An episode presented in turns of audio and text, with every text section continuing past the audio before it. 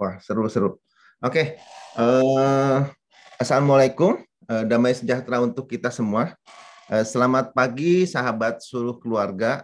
Uh, pagi ini kita bertemu kembali dalam acara Kultur Parenting Pagi, edisi Rabu, uh, 2 November 2022.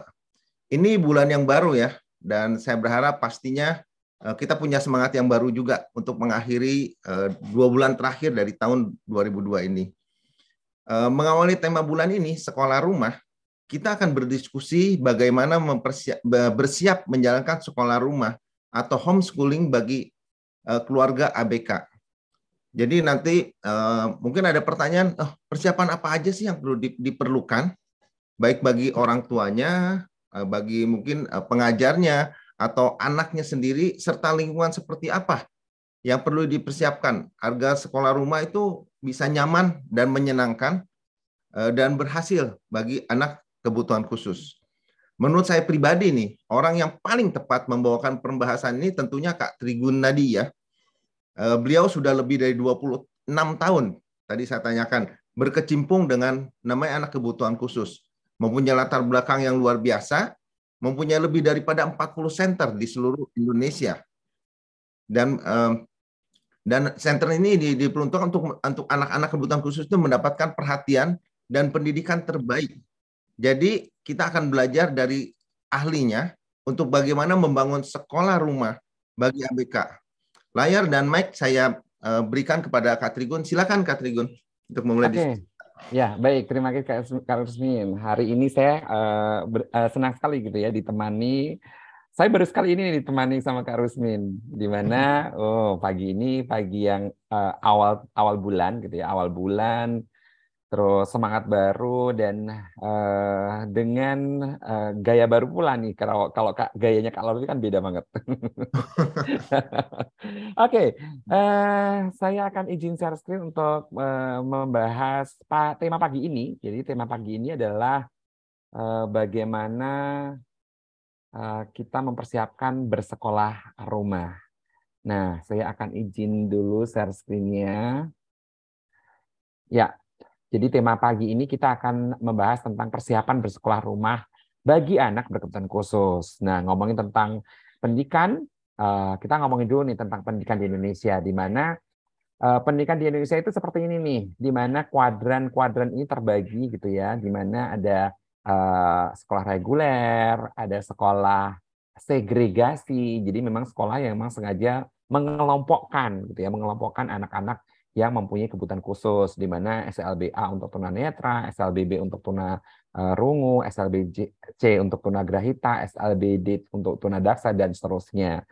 Dan uh, uh, muncullah tuh sekolah inklusi di mana sekolah inklusi yang uh, memang ya baru sekitar 10 tahun belakangan ini menggema gitu ya dan disosialisasikan. Nah, ada juga uh, namanya sekolah rumah atau homeschooling. Nah, pagi ini kita hanya khusus untuk membahas ini saja dan pembahasannya pun juga tidak semuanya ya. Jadi kita pagi ini hanya membahas tentang bagaimana mempersiapkannya gitu. Jadi bagaimana mempersiapkan uh, anak berkebutuhan khusus untuk bersekolah rumah. Nah, uh, prinsip dasarnya, jadi kalau kita memilih uh, jalur tadi tuh, jalur uh, sekolah rumah bagi anak berkebutuhan khusus, kita ha harus tahu dulu nih, karena ini yang sering kali tidak dipahami oleh banyak orang tua gitu. Jadi banyak orang tua itu nyekolahin anaknya karena ambisinya orang tuanya, bukan karena kebutuhan anaknya gitu. Jadi ini yang sangat buruk sekali nih. Jadi jangan sampai nih para orang tua yang mempunyai anak berkebutuhan khusus menyekolahkan anaknya karena ambisi orang tuanya. Aduh, kamu harus ke sekolah ini. Uh, ini loh itu sekolah bagus nih, gitu. Jadi ambisinya orang tuanya itu yang pertama. Jadi uh, saya minta betul gitu ya bagi orang tua menyekolahkan anaknya bukan karena ambisi orang tuanya itu yang pertama. Yang kedua adalah anak itu mempunyai keunikan. Jadi seharusnya memilih sekolah, memilih jalur sekolah tadi gitu ya, memilih um, sekolah rumah itu karena memang keunikan anaknya yang akan tercover di dalam kebutuhan sekolah rumah gitu. Jadi keunikan itu detail banget. Jadi uh, interestnya ke mana, motivasinya apa, kemampuannya apa, kemampuan pun juga terbagi menjadi jenjang uh, tangga tumbuh kembang gitu ya.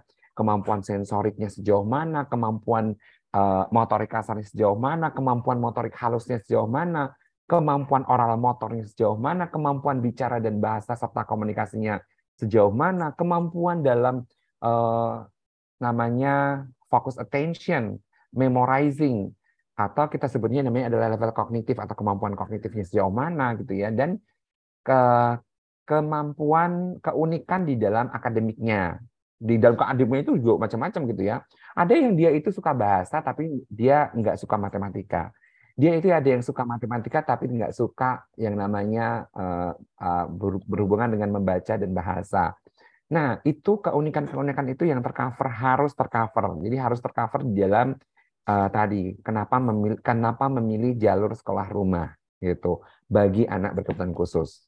Nah, yang ketiga adalah uh, anak itu mempunyai destininya sendiri. Jadi bukan kita yang menentukan. Jadi bukan kita yang akan kamu tuh harus ini, kamu harus itu, kamu harus ini. Nah, itu tadi kenapa kita harus menyesuaikan bahwa bukan ambisinya orang tua, bukan uh, bukan kemauan kita, tapi melihat dari keunikan anak dan destininya anak. Dia itu nanti jadi kalau misalnya nanti anak berkebutuhan khusus dites gitu ya, tes kematangan sekolah, tes uh, bakat minat, dia ke mana tuh? Nah, itu yang nanti akan sangat menentukan sebenarnya. Jadi bukan bukan kita maunya ke mana gitu. Dan yang keempat adalah tidak ikut-ikutan orang tua yang lain. Jadi sering kali yang menjadi masalah adalah orang tua itu ikut-ikutan uh, orang tua yang lain. Jadi oh bestiku nih, besti ibunya maksudnya ya, bukan besti, besti anaknya gitu ya. Bestiku kan anaknya disekolahkan ke sini, anak aku juga harus ke situ juga gitu. Nah, bukan begitu. Jadi ini yang nanti akan sangat uh, sangat uh, dipertimbangkan bahwa bukan karena ikut-ikutan orang tua yang lain. Yang kelima adalah bukan karena gengsi juga. Jadi bukan karena gengsi orang tuanya. Jadi aduh kok disekolahkan ke sana sih? Ah, kan di sini oh, sekolah internasional. Ini kan sekolah mahal. Nah, bukan karena gengsinya. Nah, selanjutnya juga bukan uh, karena bukan karena gengsi, bukan karena ikut-ikutan. Nah, harus dilihatlah kecocokan antara anak dengan karakter yang nantinya kita akan pilih. Karakter sekolah, terutama karakter sekolah rumah yang nanti kita akan bangun, gitu ya. Jadi itu yang nantinya akan harus dipertimbangkan dengan baik. Termasuk nih poin yang berikutnya adalah the right children in the right place. Jadi uh, kalau pernah nanti Bapak Ibu nih ya pernah uh, lihat gambar gitu ya, gambar uh, bahwa hutan dengan berbagai animalnya gitu ya, dengan berbagai binatang gitu ya. Nggak ada nih sekolah, jadi gajah disekolahkan ke sekolah burung gitu tuh. Jadi diajarin terbang, gajah diajarin terbang gitu. Burung disekolahkan setelah ikan, dia disuruh berenang ke di air gitu. Ya nggak bisa karena itu tadi karena mereka itu mempunyai destininya masing destininya masing-masing, punya keunikannya masing-masing dan the right children in the right place ini yang sangat-sangat menentukan sekali. Di mana kita harus membangun sekolah rumah yang memang uh, tepat untuk keunikannya anak gitu. Dan orang tua juga harus memahami ini kelebihan dan kekurangannya anak. Uh, baik itu memahami secara uh, kacamatanya orang awam gitu ya, atau memang harus dibawa ke profesional jadi dibawa ke seorang sekolah anak, sekolah pendidikan gitu ya, bahwa nantinya akan dilihat eh, eh, apakah memang anak itu lebih tepatnya ke mana. Nah, dan kelebihannya apa, kekurangannya apa. Nah, itu yang nantinya akan menentukan adalah ibunya dengan kacamata orang biasa gitu ya, orang awam dan dibantu oleh profesional. Jadi itu yang nantinya uh, bisa ngebantuin gitu ya. Nah, jadi uh, orang tua harus benar-benar memahami kelebihan dan kekurangannya anak. Yang berikutnya adalah kenali tingkat kematangan perkembangan anak. Jadi kematangan perkembangannya tadi sejauh mana, sensoriknya, motorik kasar, motorik halus, motorik oral, bicara dan bahasa serta komunikasi, eh, level kognitif, eh, akademik dan seterusnya itu sejauh mana. Dan orang tua harus paham jenis ABK-nya mana gitu tuh. Jadi uh, dari jenis ABK itu yang mana nih anaknya nih? Apakah dia jenis ABK yang tadi yang uh, anak memang mengalami gangguan intelektual gitu ya? Apakah dia eh, ABK yang mengalami gangguan emosi sosial? Apakah dia ABK yang mengalami gangguan gangguannya memang di tingkat sosialisasi gitu ya. Nah, itu yang nanti akan harus dipahami dulu orang tua harus memahami anaknya jenis ABK yang mana dan derajatnya, ringannya, sedangnya, beratnya. Nah, ini kalau ini perlu dibantu oleh profesional ya. Jadi nggak boleh nggak boleh judgmental sendiri, nggak boleh self diagnosis sendiri. Wah, anakku kan tipe ABK yang uh, autis yang ringan. Eh, siapa siapa bilang gitu ya. Jadi sering kali orang tua bilang anakku tuh autis ringan gitu. Padahal uh, setelah diperiksakan autis berat atau autis sedang gitu. Nah, itu yang menentukan akhirnya uh, karena orang tua self diagnosis sendiri ya akhirnya begitu gitu. Nah, Kak Trigun, maaf ya. slide-nya nggak berubah. Oh oke, okay. baik. Next, ini sudah berubah belum? Oh, di tempatku belum sih. Oke, okay, ini coba nih ya. Ini sudah berubah belum? Saya saya udah gonta-ganti ini. Oh. Belum, Pak. Belum sih. Oh, gitu. Karena tadi oh. saya wah, isinya luar biasa nih gitu kalau Apakah itu... sinyalnya yang bermasalah ya? Kalau di tempat saya udah berubah sebenarnya. Oh, gitu. Iya. Belum tunggu, sih. Tunggu, Oke. Okay. Hmm. Apa yang bermasalah ya ini ya? Ini belum berubah juga? Di tempat saya juga belum, Kak. Bun. Oh, kok bisa ya? kok bisa ya? Makanya ini kok bisa bisa gak berubah gitu. Ada masalah apa? Coba saya keluar dulu deh. Saya stop share screen dulu. Saya akan akan ulangi lagi untuk uh, Oke, saya akan ulangi lagi untuk ini ya, share screen kembali. Ini saya share screen ulang. Sudah terlihat belum? Sudah terlihat. Ini terlihat atau tidak? Ini terlihat. Uh, yang saya, saya share adalah faktor dalam memilih jalur. Betul. Oke, coba saya akan uh, present. Nah, ini terlihat atau tidak? Ah, ini terlihat nih. Ini Oke, okay, baik. Besar ya. Oke, okay, uh, eh, nanti saya akan bilang saya akan berganti slide. Jadi kalau misalnya tidak berganti, tolong diinformasikan. Siap, siap. Oke, okay, ini kita akan ngomongin tentang uh, faktor dalam memilih jalur sekolah rumah, gitu ya, dan arahnya tadi dalam menentukan arah pendidikan pendidikannya anak. Jadi nanti akan terbagi menjadi in sama out. Nah, in itu bahwa umurnya anak itu sesuai dengan level yang mana, gitu ya. Jadi nanti saat ber, bersekolah rumah pun juga nanti akan menentukan akan ditentukan nih Level sekolah rumahnya adalah level playgroup, level sekolah rumahnya adalah level TK, level sekolah rumahnya adalah level kelas 1 SD, kelas 2 SD, kelas 4 eh, kelas 4 SD dan seterusnya gitu ya. Jadi umur anak itu harus dipertimbangkan betul. Jadi eh, ini yang nantinya PR banget untuk eh, orang rumah gitu ya, orang orang yang nantinya eh, orang tua gitu ya akan menentukan sekolah rumah tadi. Jadi sekolah rumah itu tidak asal ah yang penting dia homeschooling di rumah gitu belajar di rumah bukan begitu gitu ya.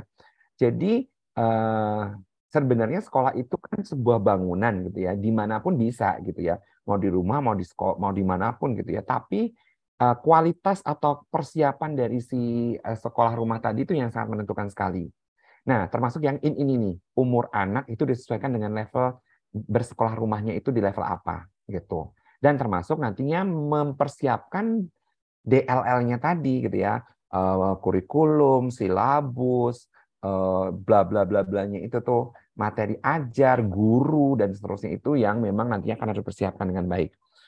Nah jadi uh, disesuaikan dengan level anak saat bersekolah rumah itu dan kematangan tahapan perkembangan anak akan sangat diperhatikan termasuk nanti tipe intelijensi anak dia tipe apa gitu nah itu juga harus di uh, lihat kembali. Nah, nanti untuk melihat apakah itu anak itu tipe intelijensi yang mana, itu bisa dibantu oleh profesional. Jadi bisa dibantu oleh seorang psikolog anak, sekolah psikolog anak atau psikolog pendidikan namanya. Nah, jadi eh, nantinya ini yang akan dipertimbangkan di dalam innya, termasuk karakter kepribadian anak. Anak ini kepribadiannya yang mana ya? Oh, dia itu harus dilibatkan. Oh, dia itu Eh, perlu diarahkan, oh dia itu perlu di guiding. Nah, dia nggak bisa kalau cuma dilepas saja. Nah, itu itu penting sekali tuh bahwa si eh, orang-orang yang nantinya terlibat di dalam sekolah rumah itu, termasuk guru, orang tua dan seterusnya itu akan harus tahu karakter kepribadiannya anak. Itu yang in. Nah, untuk yang out itu letak sekolah tidak ya, sekolah rumah dipilih karena memang letak sekolah tidak akan menjadi masalah bagi jarak eh, bagi anak dengan jarak karena kenapa? Karena memang namanya juga sekolah rumah gitu ya. Namanya sebuah bangunan tadi itu tidak harus jauh dari dia. Jam belajar. Nah, ini yang penting sekali nih. Jangan mentang-mentang sekolah rumah eh anaknya bangun siang, tidak membentuk siklus kehidupan yang baik gitu ya. Jadi namanya brain brain cycle. Brain cycle itu harus ter, ter ter uh, declare jelas gitu ya. Oh, anak usia 3 sampai 5 tahun itu paling bangunnya paling lambat jam uh, jam 7, paling lambat itu paling lambat. Jadi uh, jangan sampai nanti mentang-mentang sekolah rumah dia bangunnya jam 9, jam 10 saya mau sendiri. Nah, itu itu yang tidak boleh. Nah, ini yang akan harus dipertimbangkan, dipersiapkan di dalam faktor memilih uh, jalur sekolah rumah ini tadi. Jadi jam belajar, berapa lama uh, anak belajar, yang akan diramu, ingat nih, diramu sesuai dengan kebutuhan anak. Jadi eh, meramunya tadi itu benar-benar harus eh, tepat. Nah, termasuk nanti sistem pendidikan yang akan diambil yang mana nih? Nasional, Nasional Plus, Cambridge, IB dan seterusnya. Itu yang eh, apakah nanti menggunakan bahas pengantar bahasa Indonesia full, apakah nantinya akan menggunakan bahasa Inggris dan seterusnya itu akan sangat ditentukan dulu terlebih dahulu di dalam persiapannya. Termasuk value dan harapan orang tua. Jadi nilai nilai yang akan harus dianut oleh seorang anak itu gitu ya. Jadi nilai yang akan dianut oleh anak dan sistem yang dibentuk di dalam sekolah rumah itu. Nah, itu yang akan sangat penting. Nah, ini saya sudah berpindah slide, apakah sudah berpindah juga? Belum, Kak. Belum. Aduh, berarti saya mesti keluar lagi terus masuk lagi gitu mungkin kali ya. Jadi saya coba akan keluar lagi, terus nanti masuk lagi. Coba saya. Tadi kalau kalau misalnya slide-nya kecil-kecil itu kelihatan waktu bergeraknya. Oh oke, okay. berarti mungkin kecil-kecil aja. Iya. Karena ini saya belum download dari Canva-nya, jadi masih di Canva. Oke, saya baik nanti saya akan kecil-kecil aja, tapi terlihat ya eh, kalau misalnya kecil-kecil ya. Coba saya akan tampilkan yang kecil-kecil aja. Oke, ini ya. Nah, ketika ini... begini tuh waktu bergerak dia terlihat bergerak. Oke, baik. Berarti saya tampilkan kecil-kecil gini aja. Nah, coba digerakin bisa Oke, ke ini, ini nah, bisa bisa bisa Kak. Oke, nah, baik, baik. Bagus. Ya, baik kalau gitu saya ini aja daripada nanti ngehang yang di situ ya. Iya, iya.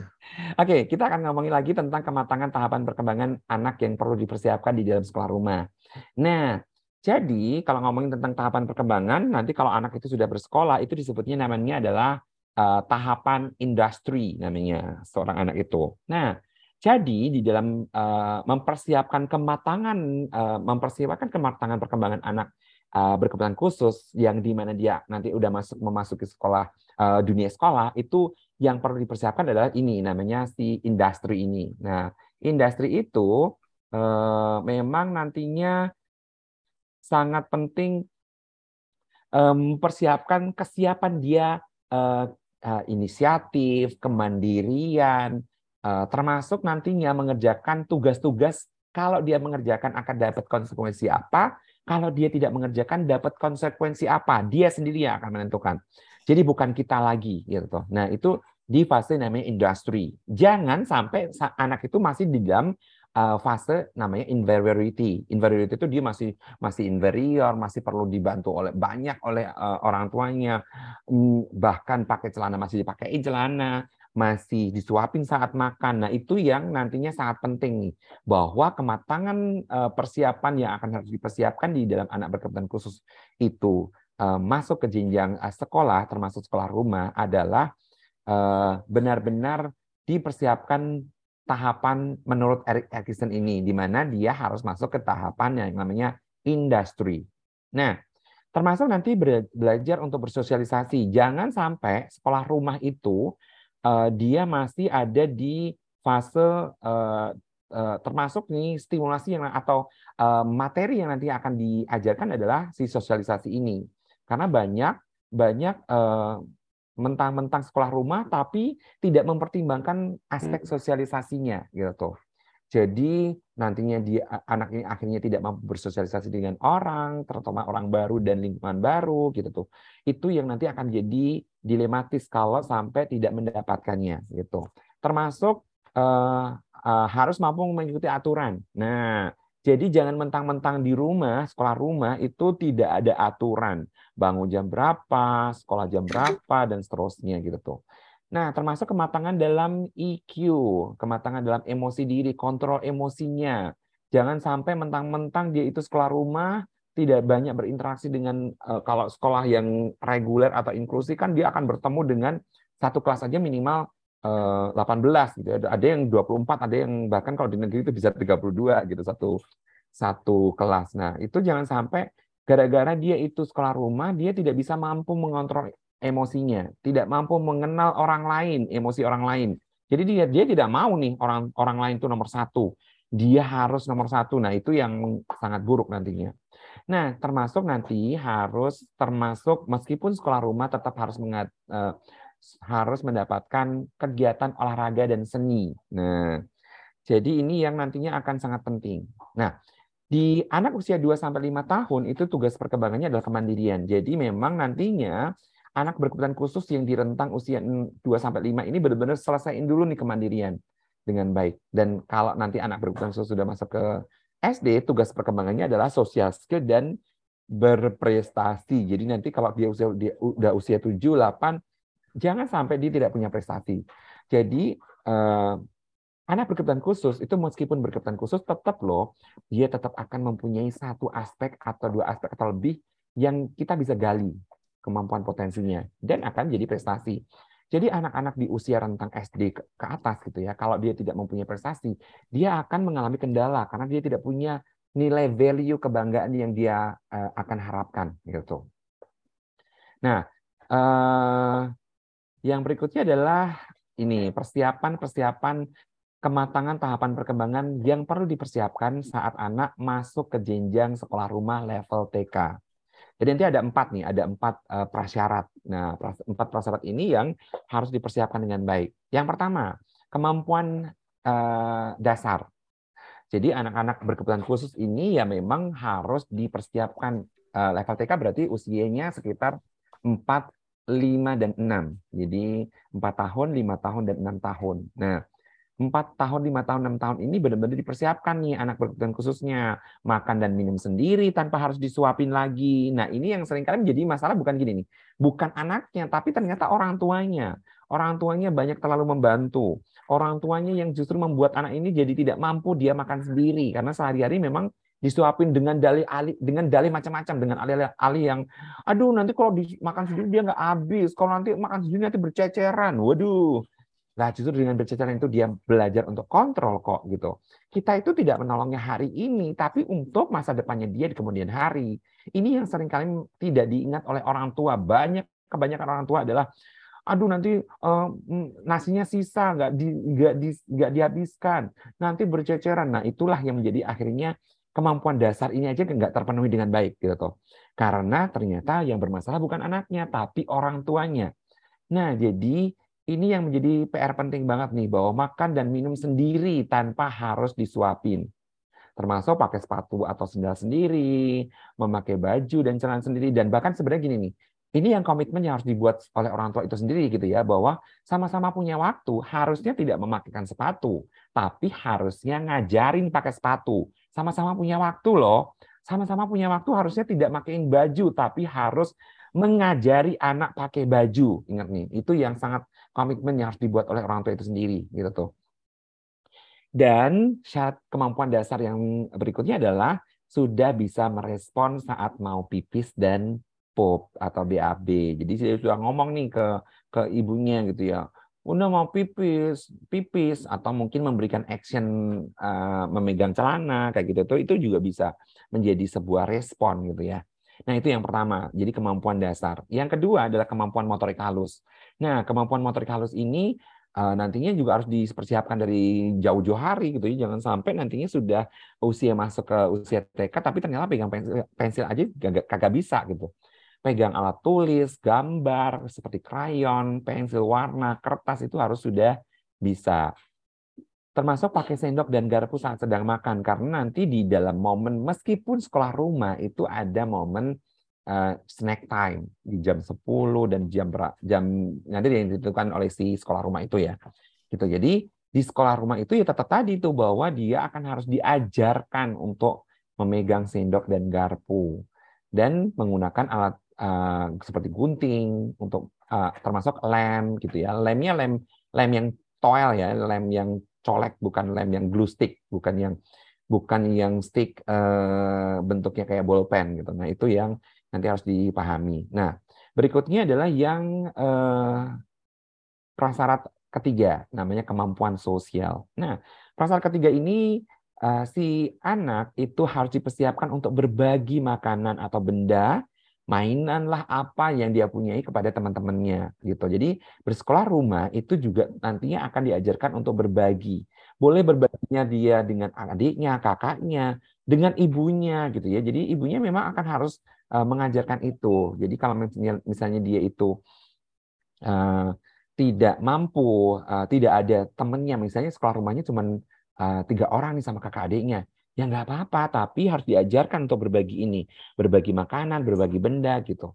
Termasuk berbicara dengan kalimat jelas gitu ya, meskipun cuma satu kata, dua kata itu uh, harus diajarkan untuk jelas. Jadi misalnya contoh, jangan sampai minum, minum, minum terus orang tuanya atau gurunya itu ya udah minum aja gitu. Tidak mengajarkan, ah coba coba tirukan sama ibu, coba tirukan minum. Nah, coba tirukan minum. Jadi jadi diajarkan tuh, jadi benar-benar mengajarkan berbicara dengan jelas. Memperkenalkan diri termasuk itu namaku, uh, meskipun cuman uh, nickname ya, nama pendek gitu, nggak apa-apa. Jadi dia akan harus memang dipersiapkan untuk tahu nama diri, nama diri, terus termasuk nantinya umurnya berapa gitu. Yang keempat adalah kemampuan emosional. Nah ini yang penting banget nih karena ini yang sering kali gagal di dalam Eh, anak-anak berkebutuhan khusus yang dia bersekolah rumah, di mana eh, gara-gara bersekolah rumah emosionalnya tidak terlatih. Jadi sering kali anak-anak yang bersekolah rumah ini menjadi masalah adalah dia tidak bisa tidak ada interaksi dengan orang lain, akhirnya dia itu nggak mau gitu ya dengan orang baru. Nah ini yang hal-hal yang harus diantisipasi. Jadi bagaimana termasuk mengontrol emosinya, termasuk bagaimana menggunakan kata-kata? Ya jadi uh, jangan sampai misalnya gini ya malah itu didapatkannya dari ayahnya misalnya gitu ya. Jadi uh, imprintingnya itu imitatingnya atau menirunya itu dari ayahnya. Misalnya kalau kalau uh, marah ayahnya ngomong uh, kasar. Nah itu ya akhirnya jadi buruk jadi jangan sampai uh, ini terjadi gitu jadi dipersiapkan dengan baik termasuk sebenarnya 10 kata ajaib itu harus sudah diajarkan dari sejak awal sekali jadi Sepuluh kata ajaib itu bilang terima kasih kalau dikasih, bilang minta maaf kalau salah, bilang permisi kalau pinjam barang orang, bilang hai, selamat pagi atau assalamualaikum kalau eh, bertemu dengan orang kayak gitu. Jadi itu yang sebenarnya sangat penting sekali di dalam emosional. Termasuk mau mendengarkan kata-kata ibunya, gurunya gitu ya. Ketika mengajar saat diberikan nasihat, sabar mengantri giliran gitu ya. Jadi benar-benar diajarkan yang namanya kontrol atau sabar. Jadi itu yang nantinya akan sangat penting untuk anak gitu ya. Nah, jadi itu yang eh, harus dipersiapkan. Nah, ini adalah kompleksitas semua yang harus dipersiapkan di dalam sekolah rumah. Nah, jadi sebanyak ini loh, sebanyak ini. Jadi ter, eh, ada eh, sekitar 22 social skill yang harus dibutuhkan eh, oleh eh, anak untuk bersiap sekolah rumah tadi. Yang pertama, berkompromi. Yang kedua, mengekspresikan perasaan. Yang ketiga, mampu mengikuti petunjuk.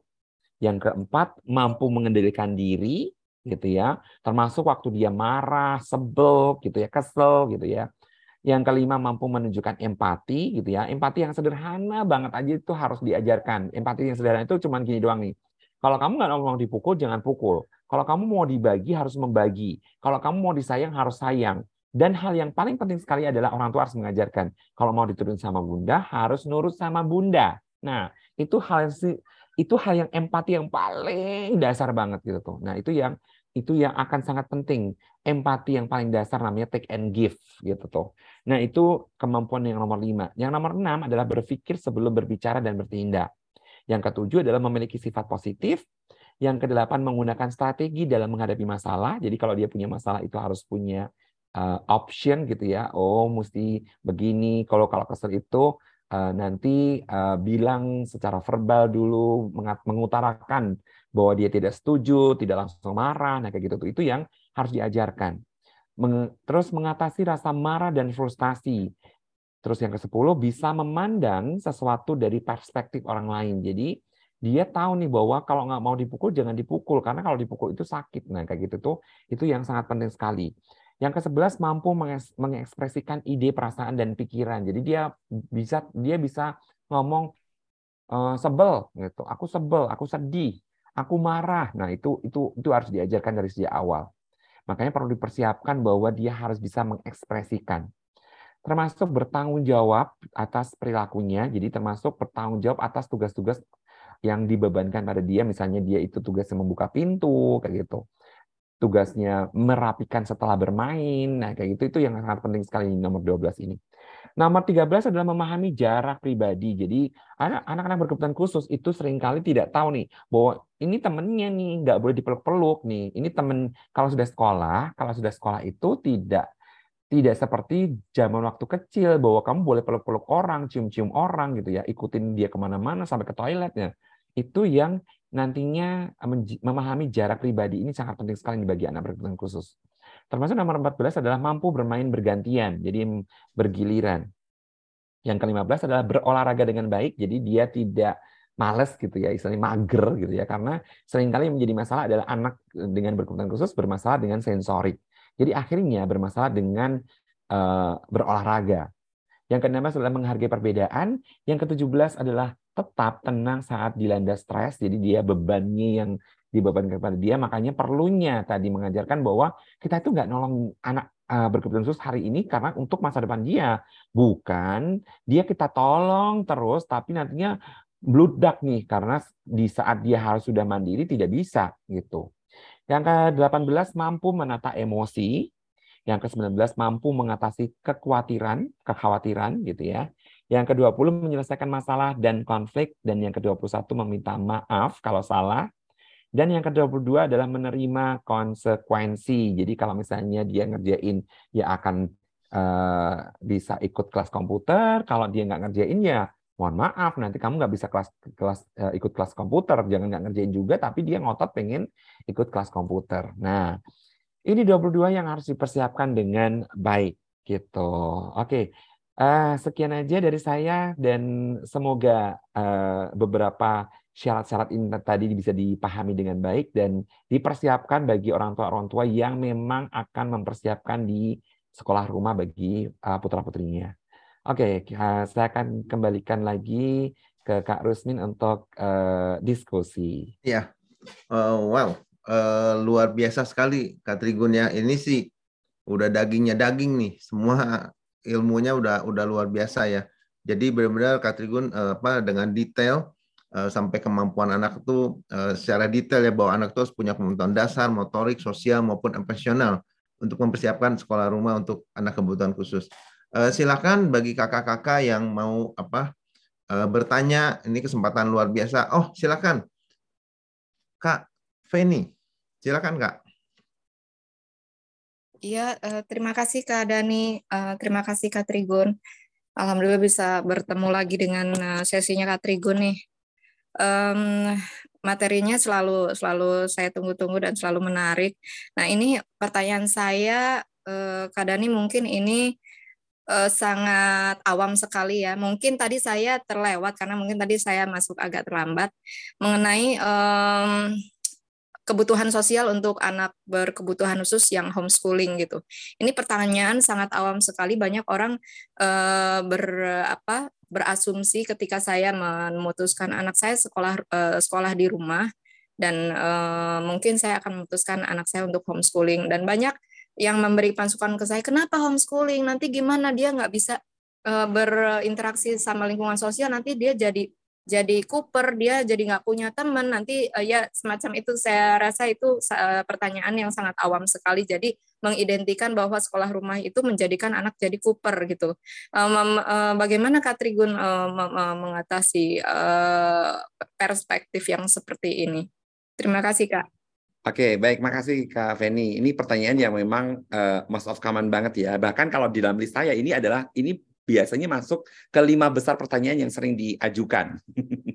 Jadi ini termasuk lima besar di uh, best five-nya gitu ya, pertanyaan yang sering kali diajukan di dalam uh, uh, pembahasan sekolah rumah gitu. Nah, dan perlu diingat dulu nih bahwa sekolah itu hanya sebuah bangunan gitu ya, tempat dia anak itu belajar. Nah, jadi bangunan itu tidak harus selalu ingat tidak harus selalu uh, bentuknya adalah sekolah uh, yang ada uh, ada apa ya istilahnya ya ada izin ada gitu ya jadi sebenarnya yang namanya sekolah itu adalah anywhere gitu ya nah jadi sebenarnya uh, tadi kenapa termasuk sorotan uh, di dalam uh, sosial itu adalah termasuk sorotan yang nantinya akan harus dipersiapkan. Jadi sorotan yang akan dipersiapkan untuk supaya anak-anak yang Uh, ini ini ngomongin tentang tipikal dan uh, anak berkebutuhan khusus gitu ya. Anak tipikal yang bersekolah di sekolah uh, sekolah rumah itu memang harus dipersiapkan. Jadi tidak perlu khawatir kalau kita mempersiapkannya gitu. Jadi tidak perlu khawatir untuk di uh, uh, anak itu mengalami kendala pada kemampuan sosial. Makanya itu tadi ada termasuk di empat besar persiapannya gitu ya. Nah, dan nggak usah jauh-jauh gitu ya. Uh, atau ke, eh, kita pertanyaannya malah dibalik ini nih. Apakah memang kalau dia itu sekolah di sekolah reguler atau sekolah inklusi, anak itu akan mendapatkan kemampuan sosial? Belum tentu gitu. Uh, gurunya tidak mau uh, mengarahkan, gurunya juga sibuk karya, namanya juga guru ya. Jadi misalnya gini, dengan satu guru atau dua guru, misalnya kalau di di kelas 2 ke bawah gitu ya, kelas 2 SD, kelas 1 SD, TK, playgroup ke, uh, itu kan memang masih ada dua guru, satu guru leader, satu guru asisten dengan dua guru pun untuk mengcover 24 anak itu nggak akan cukup gitu. Jadi hmm, bukan berarti sekolah di sekolah yang dia itu di sekolah reguler dan inklusi tadi akan mendapatkan kemampuan sosial juga. Karena namanya juga anak berkebutuhan khusus gitu ya. Anak berkebutuhan khusus itu adalah kemampuan untuk bersosialisasi memang harus diinisiasi, diajarkan dan diberikan kesempatan gitu tuh. Jadi uh, itu tadi meskipun dia ada di sekolah reguler atau inklusi tapi kalau tidak diberikan kesempatan atau gurunya sibuk sendiri dia itu akhirnya dipojokkan yang tidak tercover dan bahkan mendapatkan bully itu lebih buruk dibandingkan yang tadi uh, the best the best prefer the best uh, pilih the best choice-nya itu adalah ya itu tadi anak yang dia dipersiapkan dengan baik jadi dia di sekolah rumah tapi diajarkan kemampuan sosialnya berbagi makanan misalnya gini aduh bunda lapar nih minta dong nah bagaimana dia membagi kepada orang lain gitu Terus uh, nantinya kan ada ada juga nih ya uh, di kurikulum ada juga misalnya field trip misalnya gitu. Dia uh, berbelanja ke Alfamart, ke, ke Indomaret. Nah, itu suatu kemampuan sosial yang nantinya justru tidak didapatkan di uh, sekolah di, uh, di sekolah maksudnya di sekolah reguler, sekolah inklusi tadi gitu tuh. Jadi uh, poinnya bukan apakah itu sekolah rumah akan itu menjadi kendala. No, bukan. Tapi apakah di sekolah mana pun apakah itu dipersiapkan dengan baik atau tidak. Gitu. Jadi itulah yang kenapa menjadi poin itu yang akan dipersiapkan dengan baik. Termasuk tadi berbagi makanan, mengantri, memperkenalkan diri, nama saya ini, umur saya ini, berbicara dengan kalimat yang jelas gitu. Itu yang kenapa perlu dipersiapkan. Gitu, Kak Feni. Bagaimana Kak Feni? Cukup iya. jelas? Iya Kak Trigon, terima kasih banyak. Jadi saya punya jawaban uh, untuk uh, untuk menjawab asumsi-asumsi uh, itu. Karena banyak Suaranya Kak Feni hilang. Iya, suaranya hilang. Oke, berikutnya mungkin Kak. Oke, uh, Kak Ina, Kak Ina uh, mau uh, bertanya, silakan Kak Ina. Iya, terima kasih ya Kak. Uh, Ya, terima kasih. Oh, ya maaf. Ya, terima kasih. Ya, terima kasih. Silakan Kak Ina. Iya, Assalamualaikum, selamat pagi. Waalaikumsalam, silakan Kak Ina. Iya, ini kan uh, alhamdulillah udah hampir satu tahun ini saya uh, sudah mengadaptasikan HS. Hmm. Uh, karena awalnya memang seperti yang tadi Kak Trigun bicarakan itu rentan dengan bulian. Bahkan hmm. dari beberapa keluarga juga uh, subhanallah mengatakan dengan terus terang bahwa anak saya itu cacat gitu seperti itu. Nah, terus uh, apa saya mohon arahan apakah HS yang saya lakukan itu sudah tepat apa belum ya. Seperti di pagi hari itu membantu aktivitas rumah uh, rumah tangga kami. Terusnya uh, kami lakukan lagi dengan bersepeda keliling sambil menemani saya ke pasar. Lalu setelah hmm. itu uh, di saat sesi siang ada istirahat, lalu dilanjutkan dengan les mengaji di masjid secara privat, lalu ada juga uh, selama satu jam ada pembelajaran di rumah Quran. Uh, di situ muridnya ada sekitar 10 orang dan masa pembelajarannya sekitar satu jam kan, jadi tidak selama sekolah reguler. Lalu malamnya baru ada uh, home homeschooling dengan apa melibatkan guru seperti itu. Jadi yang lain-lainnya itu ya kembali menghafal bersama saya dengan kegiatan belajar itu yang tidak terlalu banyak tapi eh, apa tetap ada sesuatu yang diulang-ulang sama saya terutama adab-adab dalam di rumah di rumah dan sosialisasinya. Karena kan sepekan dua kali juga masih melakukan terapi juga seperti itu kak. Dan ini juga Kadarullah minta nasihat juga minta solusi juga. Karena masih sering main tangan jika ada teman-teman yang tidak sesuai dengan keinginannya dia seperti itu kak. Umurnya berapa kak? Uh, namanya Gasan usia 9 jalan 9 tahun laki-laki.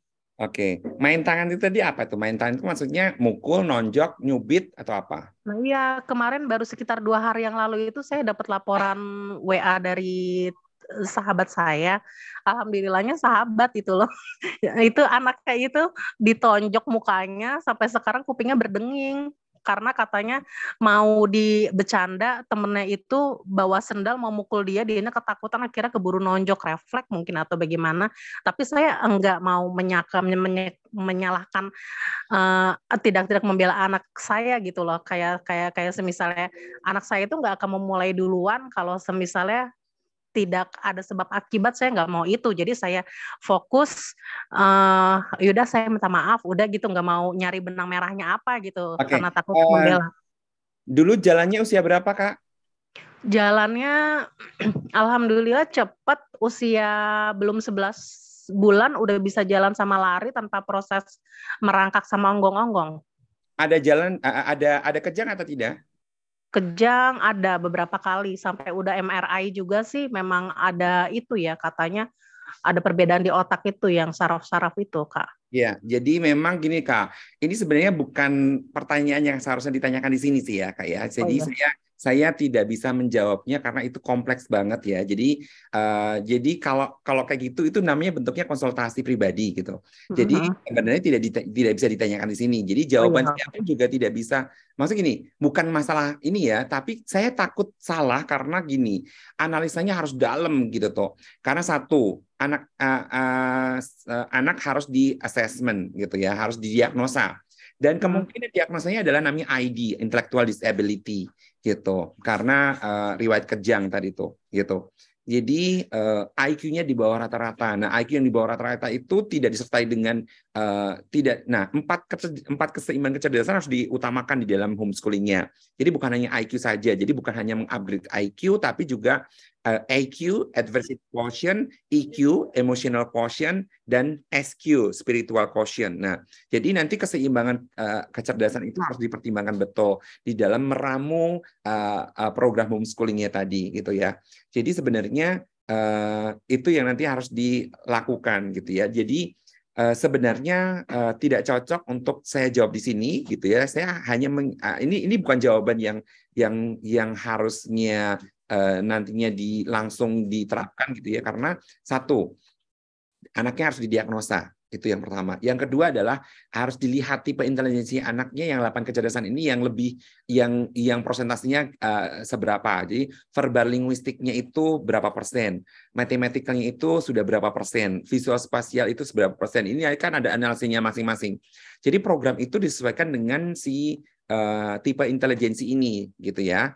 Jadi itu termasuk nanti tipe kepribadian, termasuk nantinya kebutuhan prioritas tadi, termasuk desainnya apakah nantinya itu uh, desain kalau saya lihat tadi uh, masih belum jelas desainnya apakah sekolah berbasis uh, uh, agamanya gitu ya karena ada tadi ada ada misalnya ikroknya kayak gitu tuh Nah, terus apakah Montessori-nya, apakah eh, yang mana nih gitu, itu masih belum jelas.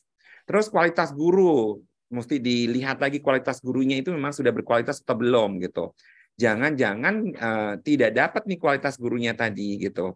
Terus eh, eh, apakah perlu eh, kurikulumnya itu seperti apa? Nah, tadi itu. Tadi uh, usianya 7, tapi kemampuannya sejauh mana nih? Apakah dia masih di uh, grade uh, KB, apakah grade TK, TKA atau TKB, ataukah grade di, di kurikulum di SD kelas 1 gitu.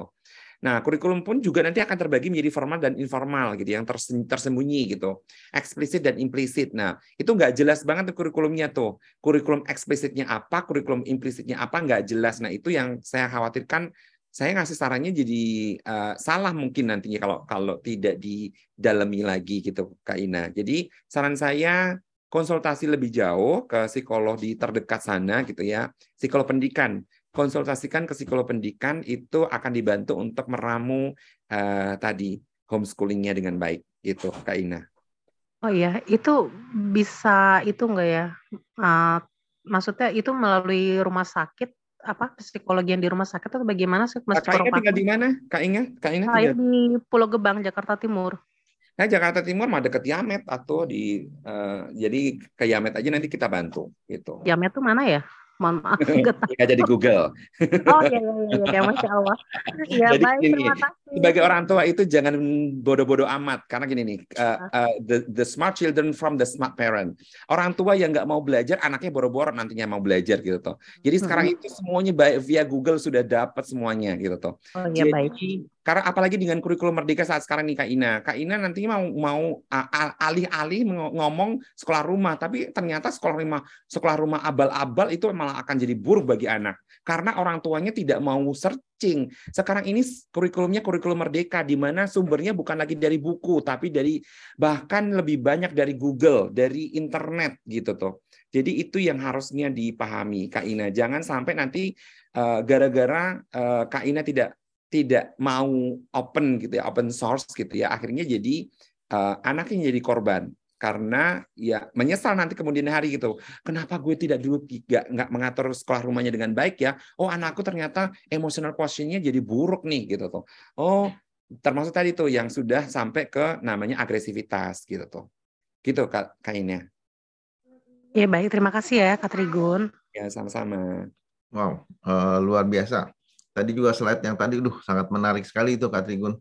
Walaupun cuma sekilas-sekilas, cuman dalam banget. Ini ada pertanyaan Kak Trigun dari Kak Faisy ya. Dia bilang, apakah setiap anak ABK harus MRI? Enggak. Jadi MRI itu diperlukan kalau ada gangguan kejang dan brain injure namanya. Brain injury. Jadi tidak semua harus MRI. Kan MRI untuk melihat nih ini otak nih bener atau enggak nih gitu. Jadi kalau kalau enggak ada enggak ada ganggu enggak enggak pernah riwayat ada jatuh, tidak ada pernah riwayat kejang, tidak ada pernah riwayat eh, bermasalah dengan brain injury gitu ya. Cedera otak ngapain juga MRI buang-buang duit aja. MRI lumayan mahal loh. MRI itu paling mahal. Karena gini MRI itu adalah magnetic resonansi. Dia tidak ada radiasinya sama sekali jadi uh, kalau mau pemeriksaan yang paling bagus ya MRI, di bawahnya lagi CT scan, di bawahnya lagi yang paling buruk adalah X-ray gitu. Jadi MRI itu muahalnya minta ampun gitu. Jadi jangan apa-apa di MRI, apa-apa di MRI. MRI juga atas rekomendasi dari dokter biasanya kalau dokternya itu mengatakan bu di MRI ya, nah itu baru baru benar gitu. Jangan minta MRI sendiri tanpa ada indikasi untuk MRI. Iya. Oke. Okay. Thank you, Kak Trigun. Uh, ada yang lain? Uh, Kak Trigun tadi tuh ada delapan kecerdasan. Nah, uh, saya mau, mau nanya dikit nih. Jadi saya uh, apa uh, tergelitik juga untuk nanya. Itu kan di, di ya. delapan yeah. kecerdasan itu sekarang anaknya apakah anaknya yang di assess itu dia menjawab langsung ataukah yang menjawabnya orang tuanya atau bagaimana tuh supaya bisa kita nah, mengetahui itu. Nah, yang tadi saya bilang bahwa itu lewat proses yang panjang, di mana uh, itu tadi nggak boleh, nggak bisa cuma saya jawab di dalam sebuah pertanyaan forum seperti ini, karena untuk melihat tadi itu akan satu uh, dilihat dari riwayatnya anak itu. Jadi itu orang tua akan mengisi namanya form riwayat. Yang kedua adalah orang tua akan diwawancara, jadi akan diwawancara si orang tuanya, orang tua atau pengasuh. Anaknya akan dites dan di, di uh, dilakukan uh, semacam kayak um, apa diobservasi gitu, di assessment gitu. Nah, uh, kemampuan bahasanya sejauh mana, kemampuan angkanya, jadi nanti akan ada urutan tesnya, misalnya angka. Uh, angka misalnya dari cuman yang tes angka yang paling dasar itu kan namanya classification gitu. Ayo coba nih ada barang-barang nih, coba dikumpulin yuk gitu. Nah, ini oh ini uh, tutup botol Coca-Cola ke Coca-Cola, tutup botol Sprite ke Sprite, tutup botol. Nah, itu namanya classification. Classification udah dapat baru naik. Nah, naik ke namanya ordering. Ordering itu adalah uh, mengurutkan benda yang dari besar ke kecil, kecil ke besar, nah kayak gitu. Nah itu kemampuan yang namanya numerical uh, mathematical. Nah nanti tuh si anak itu dari delapan tadi itu yang menonjol yang mana. Nah itu itu ada tesnya. Jadi anaknya akan dites. Nah jadi dari delapan itulah yang nantinya akan menentukan, oh ini kurang nih, ini yang perlu di, uh, di dongkrak ini yang perlu dipertahankan di stimulus terus nah itu itu tadi yang perlu kenapa di dalam homeschooling itu perlu uh, perlu paham tentang anak gitu jadi kalau yang dilakukan hanya sekedar homeschooling homeschoolingan itu jadi akan buruk karena nggak terarah gitu tuh anaknya dikasih ya menurutnya mungkin udah belajar gitu ya belajarnya pun juga abal-abal diserahin ke guru ngaji A diserahin ke guru eh, B gitu tanpa adanya planning dengan baik tadi nah itu yang yang sayang gitu tuh. Jadi sayang jadi homeschoolingnya homeschooling abal-abal gitu sebutnya. Oke, gitu. Jadi diperlukan uh, assessment setelah itu dibuat kurikulum khusus ya sesuai dengan kebutuhan anaknya ya. Betul. Nah, itu yang benar. Jadi uh, kita tidak melihat mau dia sekolah di sekolah mana gitu, tapi kebutuhannya itu the right nggak, uh, the right children in the right place nggak gitu. Jadi uh, goalnya itu sesuai nggak gitu. Nggak boleh terlalu tinggi, nggak boleh terlalu rendah. Jadi namanya adalah ZPD atau Zone of Proximal Development. Jadi benar-benar harus pada zonanya yang tepat gitu. Hmm. Wow, ini banyak sekali ya yang perlu di, dipelajari. Tapi saya sendiri merasa apa yang Katigun udah udah jelaskan itu sangat detail sekali ya untuk bahwa untuk membuka satu sekolah rumah itu ya yang tadi sudah dijelaskan dan nggak mudah tapi juga kalau kita mau ya eh, banyak hal yang kita bisa lakukan dan pasti bisa berhasil. Mungkin satu pertanyaan lagi udah jam 8 lewat ada pertanyaan ya. satu lagi. Boleh eh, silakan. Dari kakak-kakak ya. Ini kesempatan yang jarang-jarang nih langka sekali bisa dapat uh, penjelasan dari Kak Trigun. Masih ada lagi? Kak Vivi atau Kak Canita Kak Vivi biasanya nih ya, Kak Vivi apa kabar? Ya ampun, udah lama kali nih Kak Vivi nggak uh, udah nggak nggak nggak ketemu lama. Saya Kak itu ini sambil berangkat kerja. Ya, Oke okay, baik. Kan Kak itu memang mm, mem, awal memang waktu anak saya terdiagnosa mungkin karena disleksia, saya pikir mungkin homeschooling ya karena memang seperti itu. Tapi setelah saya mengikuti kultur parenting, kemudian seluruh keluarga bahwa tidak semudah itu homeschooling. Kadang-kadang orang tua itu ingin homeschooling hanya melemparkan tanggung jawab kepada guru atau pembimbing yang di homeschooling. Setelah itu uh, yang penting gua ada duit, gua bisa uh, anak gua bisa sekolah, that's right. Tapi bukan itu. Masalahnya adalah persiapan anak itu. Kalau saya mempersiapkan anak itu menerima siapa dirinya dulu, kemudian dia tahu bagaimana harus menghadapi kelemahan atau kekurangan dia, kebutuhannya dia, kemudian baru memang orang tua yang ini kuncinya di sini. Bahwa iya. orang tua tidak pernah berhenti belajar, tidak pernah berhenti mendampingi, karena memang anak-anak berkebutuhan itu seumur hidupnya dalam tanda kutip bergantung kepada orang lain. Tetapi sebisa mungkin dia solving problem sendiri. Itu aja sudah. Jadi yeah jangan mudah memutuskan atau ingin melepaskan tanggung jawab atau ingin melepas dari masalah dengan homeschooling. Tidak menyelesaikan masalah, bahkan menimbulkan masalah baru. Itu aja tidak berikut. Terima kasih. Iya, terima kasih sharingnya Kak Vivi. Kak Vivi ini udah luar biasa nih, udah dari zaman dahulu mendampingi anaknya yang uh, spesial itu memang uh, tadi yang dibilang bahwa uh, jangan sampai homeschooling homeschoolingan gitu tuh. Kita kalau saya lebih lebih sebut homeschooling abal-abal gitu karena mempersiapkan itu nggak mudah. Jadi dari mulai konsultasi dulu ke psikolog pendidikan, terus meramu, mempersiapkan semuanya, baik sistem maupun uh, eh, non sistem gitu ya, itu itu sangat penting. Jadi ini yang uh, cenderung akhirnya nantinya bukan menyelesaikan masalah malah mencari masalah baru. Karena akhirnya anaknya tidak mendapatkan ramuan yang tepat gitu. Iya. Uh, luar biasa. Itu uh, istilahnya itu untuk anak umum saja ya. Eh, itu udah udah apa jangan kita apa eh, berikan eh, homeschooling abal-abal. Apalagi untuk anak kebutuhan khusus. Mungkin Betul. begitu ya eh, Kak Trigun ya. Eh, mungkin closing statement Kak Trigun Oke, okay, baik. Uh, jadi buat Bapak Ibu semuanya um, membicarakan tentang sebenarnya gini ya, sekolah. Jadi sekolah itu adalah hanya sebuah bangunan gitu.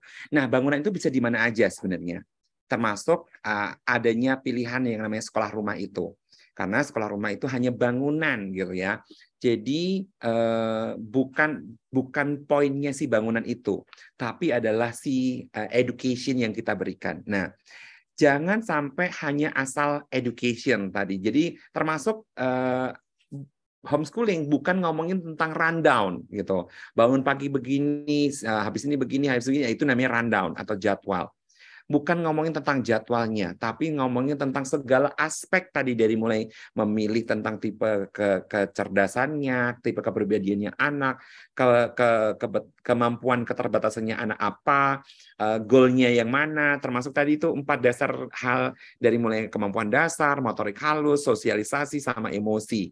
Nah, jadi mengcover semua tadi kalau sampai kita satu aja miss, itu akan menimbulkan masalah yang lain. Termasuk tadi adanya agresivitas dan seterusnya.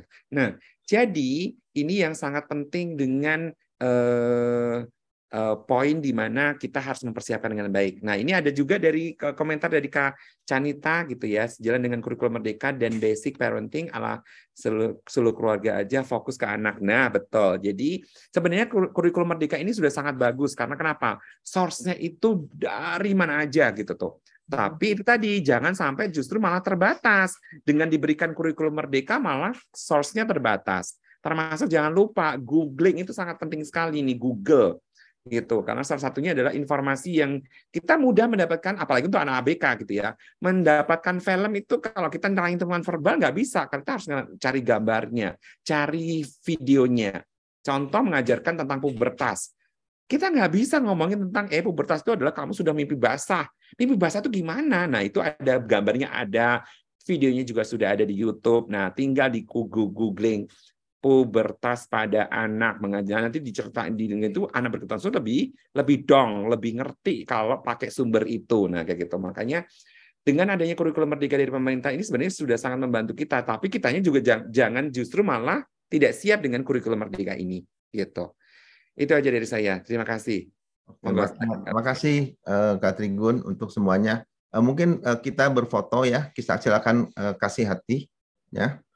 Uh, jadi kita udah dengarkan semua. Uh, saya saya merasa ini hal yang sangat luar biasa uh, untuk kita uh, untuk kita mempersiapkan kalau kita mau homeschooling atau uh, sekolah rumah uh, untuk terutama untuk anak-anak kita yang kebutuhan khusus.